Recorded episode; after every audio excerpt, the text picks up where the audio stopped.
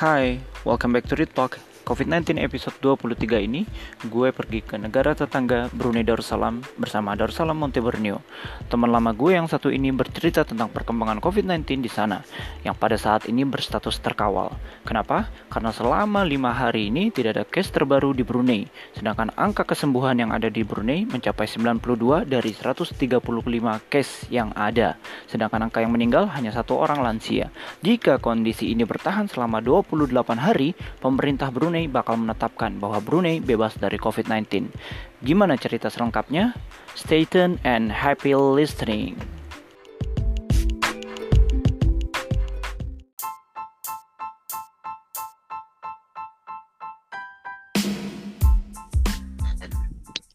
Halo, Assalamualaikum. Waalaikumsalam warahmatullahi wabarakatuh. Gimana? Darussalam Monte kabarnya sehat? Alhamdulillah baik sehat. Gimana yang sedang berada di Jakarta? Alhamdulillah ya hampir semuanya kayaknya self uh, isolation gitu. Cuman ya kalau memang memaksakan ada beberapa aktivitas yang harus keluar kayak beli keperluan makanan mungkin dan lain sebagainya ya mungkin masih bisa. ya. Oke. Okay. Darussalam. Ya. Uh, welcome to my podcast uh, Read Talk Teman-teman, kali ini kita terbang ke Brunei Darussalam uh, di episode ke-23. Uh, Darussalam sekarang ini kita lagi di episode ke-23. Kebetulan sudah 22 negara yang kita kelilingin. Oke, sebelum kita ngobrol lebih banyak, boleh dong kenalin diri dulu nih, Darussalam. Oke, sebelumnya izinkan saya untuk memperkenalkan diri saya kepada teman-teman di mana pun Anda berada. Uh, nama saya nama saya pribadi Muhammad Darussalam Munti Borneo. Saya merupakan mahasiswa uh, di Fakultas Bahasa Arab dan Terjemahan program S2 Master in Arabic Language di University Islam Sultan Syarif Ali. Sebelumnya saya juga sudah menyelesaikan program S1 Bachelor BA uh, Bachelor in Arabic Language juga di universitas yang sama. Tepatnya pada tahun kemarin dan Alhamdulillah sekarang juga langsung melanjutkan studi S2 di universitas yang sama seperti itu. Oke, okay, thank you. By the way, teman-teman, Darussalam uh, Monte Borneo ini memang asli dari Brunei Darussalam, ya kan? Kalau asli sih, iya sih asli, tapi uh, boleh dikatakan ya masih ada hubungan sama Indonesia juga seperti itu. Oke, okay. jadi keturunan, ada keturunan atau gimana? Keturunan sih keturunan sih ada juga tapi saya lebih kepada boleh dikatakan lahir di sini lah. Oke. Dan pernah lama di Indonesia ya? Waktu lama, mondok di Gontor. Pada waktu itu mondok di Gontor alhamdulillah bersama si Ahmad Farid ini juga. Kelas 1 intensif dan alhamdulillah selesai tepat pada waktunya. Oke siap. Uh, Salam ini oh. kita langsung ke COVID-19 aja ya. Iya, Gimana sih kita sekarang perkembangan, uh, perkembangan COVID-19 yang ada di Brunei Darussalam? Oke, kalau untuk COVID-19 alhamdulillah di sini sudah uh, yang sebelumnya, jadi ingin saya ceritakan terlebih dahulu. Jadi hmm. sebelumnya itu Brunei Darussalam itu sempat uh, sebelumnya Brunei Darussalam sudah pernah sultannya pernah berkata bahwasanya alhamdulillah Brunei Darussalam tidak terkena dengan COVID-19 dan itu pada waktu itu uh, kalau nggak salah pada tahun pada bulan kemarin dan kemudian selepas beberapa hari terkena lah mungkin boleh dikatakan musibah juga dan pada waktu hmm. itu Brunei hampir boleh dikatakan dalam keadaan yang sangat darurat dan nggak terkawal sama sekali. Nah, hmm. jadi habis beberapa hari langsung pemerintah memberikan yang namanya arahan dan juga beberapa uh, beberapa program-program untuk meminimalisir daripada uh, daripada efek COVID-19 ini. Jadi kalau bisa dilihat sekarang itu alhamdulillah status Brunei bisa dikatakan sudah terkawal banget. Kenapa bisa dikatakan terkawal?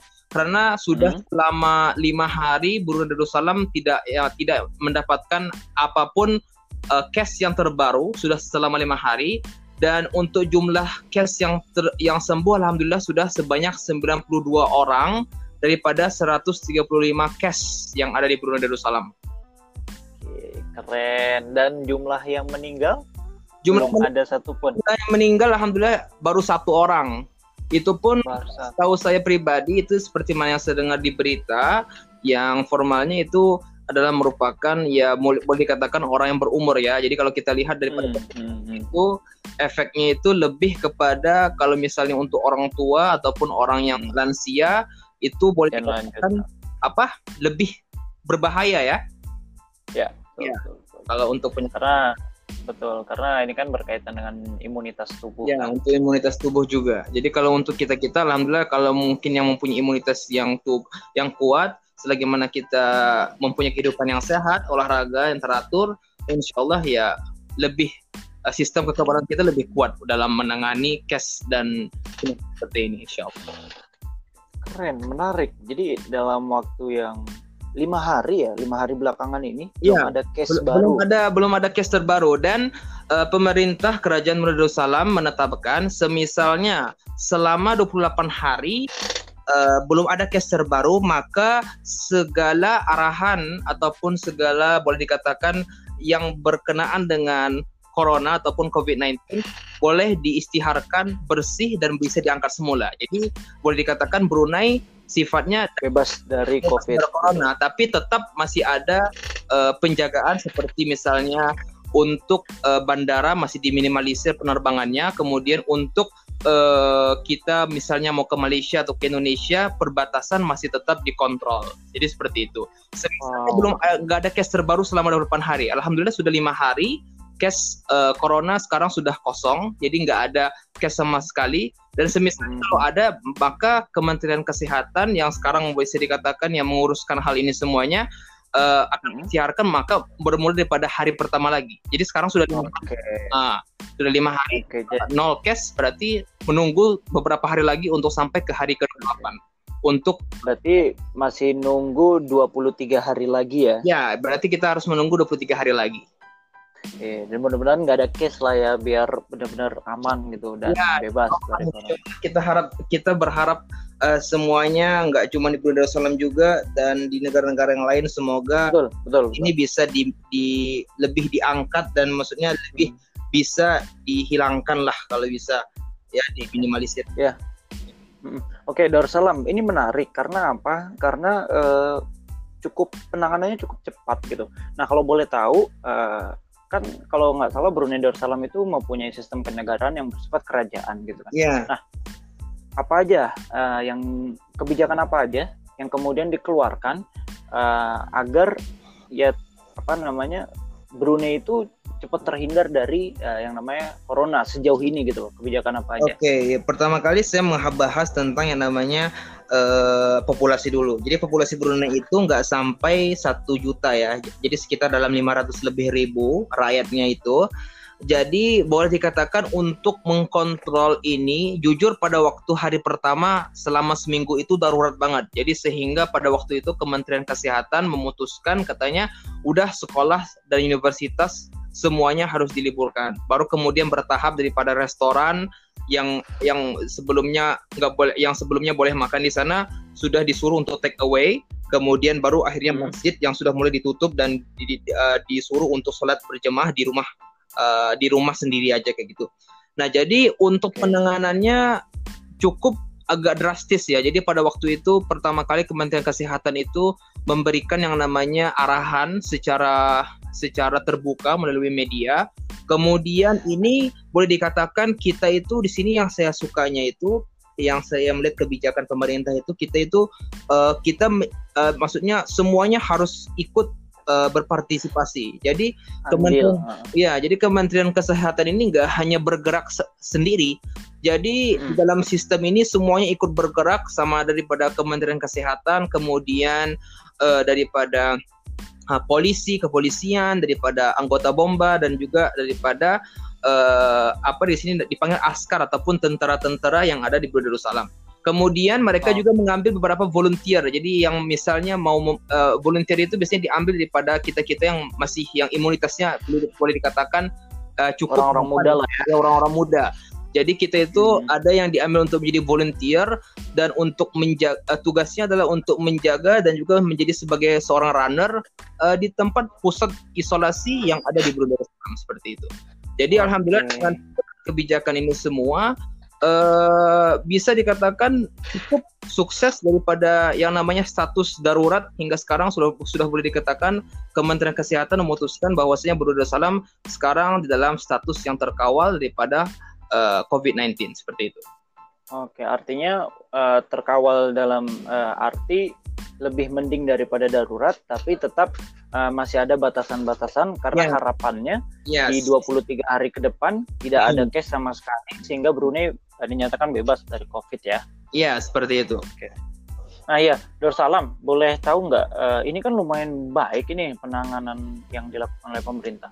Nah, yeah. Iya. uh, dampak ekonominya itu imbasnya besar nggak sih? Karena kan kalau kita lihat ternyata case-nya coba maksudnya kalau di Darussalam ini nggak nggak terlalu lama gitu loh. Di uh, Brunei, kalau, kalau dampak ekonomi saya melihat saya melihat uh, kalau ini berdasarkan yang saya lihat pada Majelis Mesyuarat Negara. Jadi Brunei itu mempunyai yang namanya MMN Majelis Mesyuarat Negara. Jadi masih itu saya waktu itu saya juga sempat mendengarkan daripada beritanya yang mengatakan bahwasanya sekarang itu uh, COVID-19 ini ekonominya nggak hanya efeknya ke negara, tapi juga efek ke seluruh ekonomi dunia.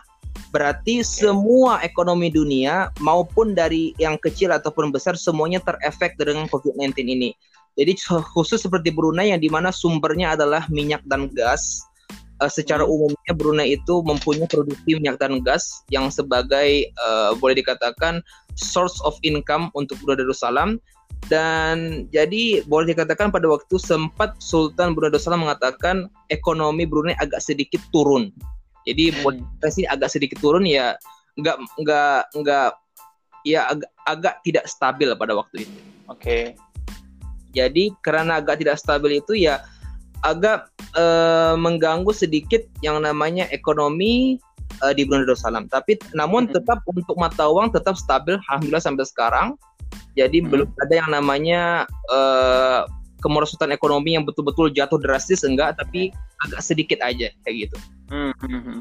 Nah uh, ini berimpasnya itu atau berimpactnya itu kepada uh, masyarakat kalangan bawah, menengah, yeah. hmm. menengah bawah berimpact kepada mereka nggak? Maksudnya kayak ya mungkin orang-orang UMKM dan lain sebagainya itu dia kena impactnya nggak? Uh, yang maksudnya untuk mereka yang di bawah yang ekonominya di bawah seperti itu. Mm -hmm.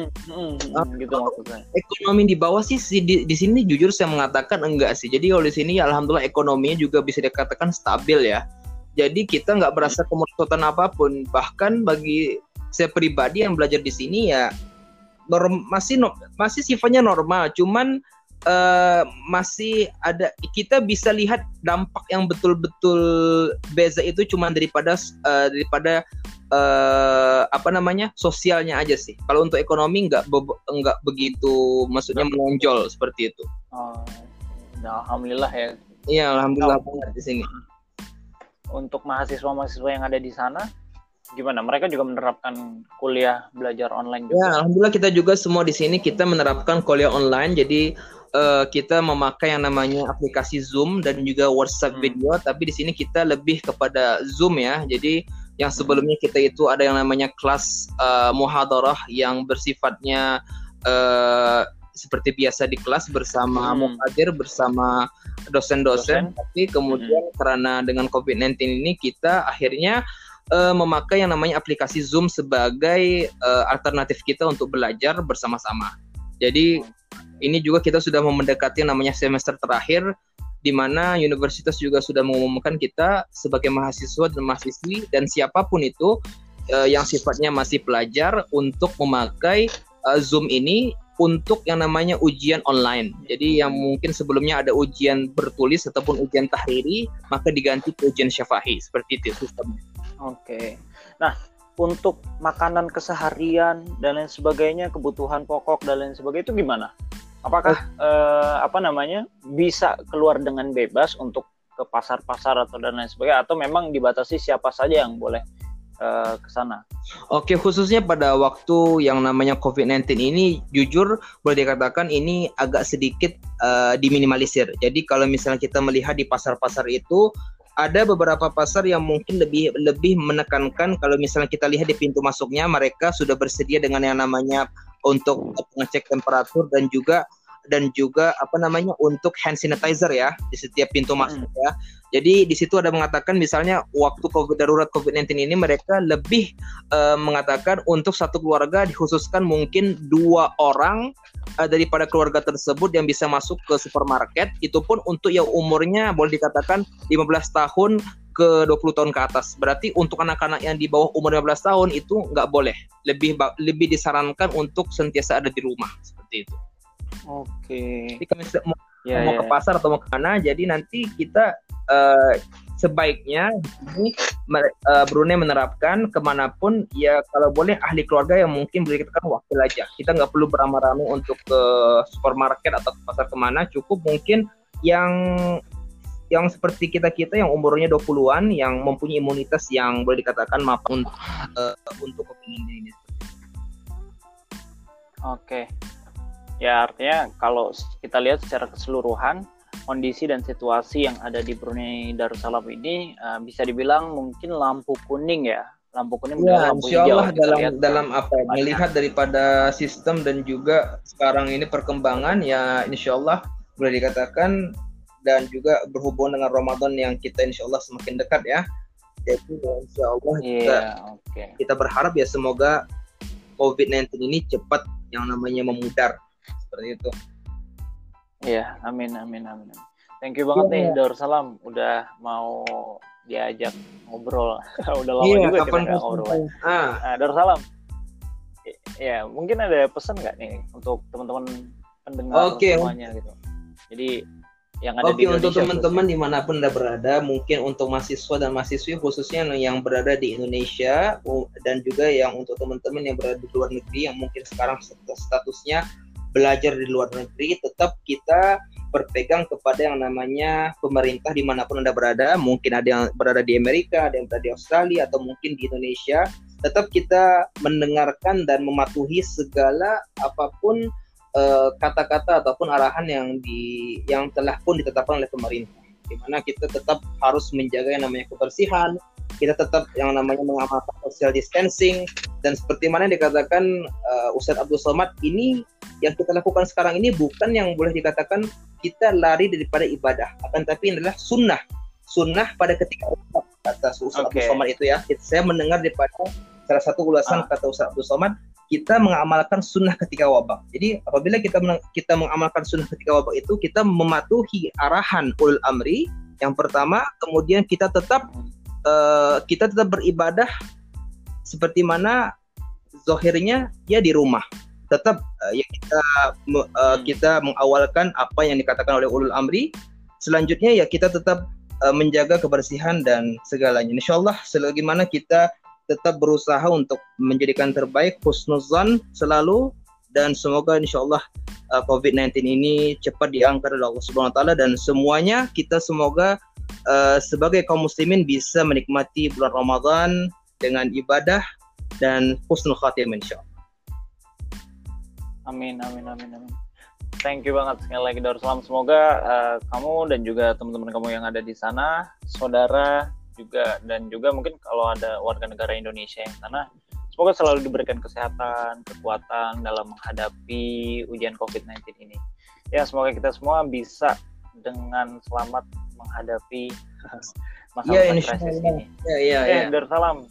Sekali lagi semangat ya, untuk Brunei semuanya ya. ya dan juga ya semangat untuk Indonesia juga. Teman-teman, itu dia tadi uh, diskusi atau obrolan kita yang ada di Brunei Darussalam dari langsung dari Darussalam Monte Borneo, uh, sahabat lama saya. Uh, untuk negara-negara berikutnya kita masih share lagi. Uh, stay safe, stay at home, dan jangan lupa stay tuned. Assalamualaikum warahmatullahi wabarakatuh.